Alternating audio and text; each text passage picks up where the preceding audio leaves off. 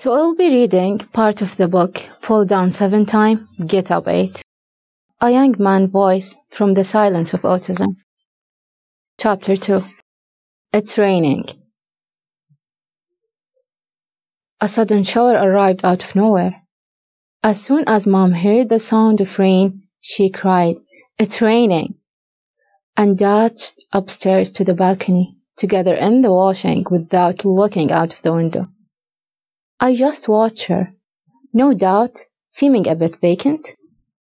What followed is chronology of what went on inside my head as the scene unfolded. A million bitter and better, bitter and better sounds. I wonder, what could that noise be?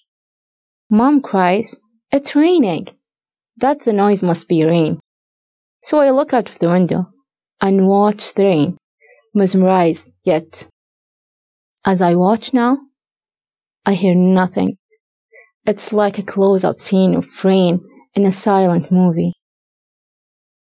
Only how does the sound of the rain start to register? I seek to connect the concept of rain to its sound. I search for a common aspect between all the downpours in my memory and the rain, how hammering down outside. Upon finding a common aspect, I feel relief and reassurance. I wonder, how comes it raining now? It was clear earlier up to this point, my mother hadn't crossed my mind. Now she comes downstairs saying, That shower was on us all of a sudden, wasn't it? I recall mom running to the balcony to save the laundry. How could she realize so quickly that it was raining? If I couldn't communicate by alphabet grid, my question would go unanswered and I would be sad to my core about how little I understood.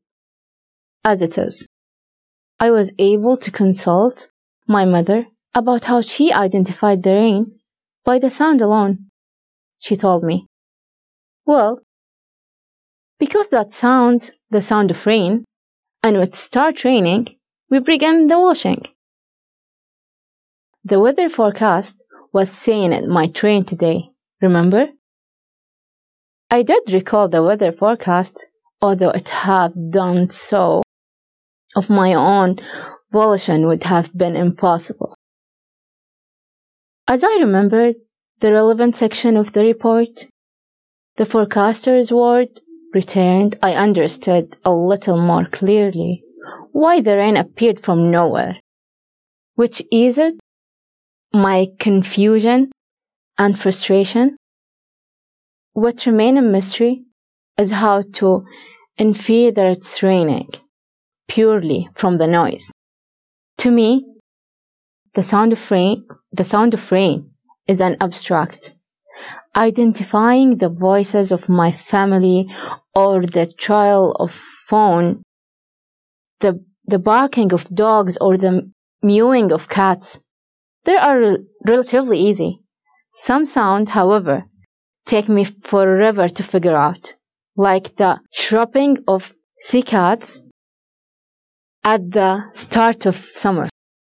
I sense that I have heard this sound before, but without further clues, their origin remain obscure. Even if I could identify the source of rain noise, making the jump from the thought it's raining to bringing the laundry would be virtually out of the question.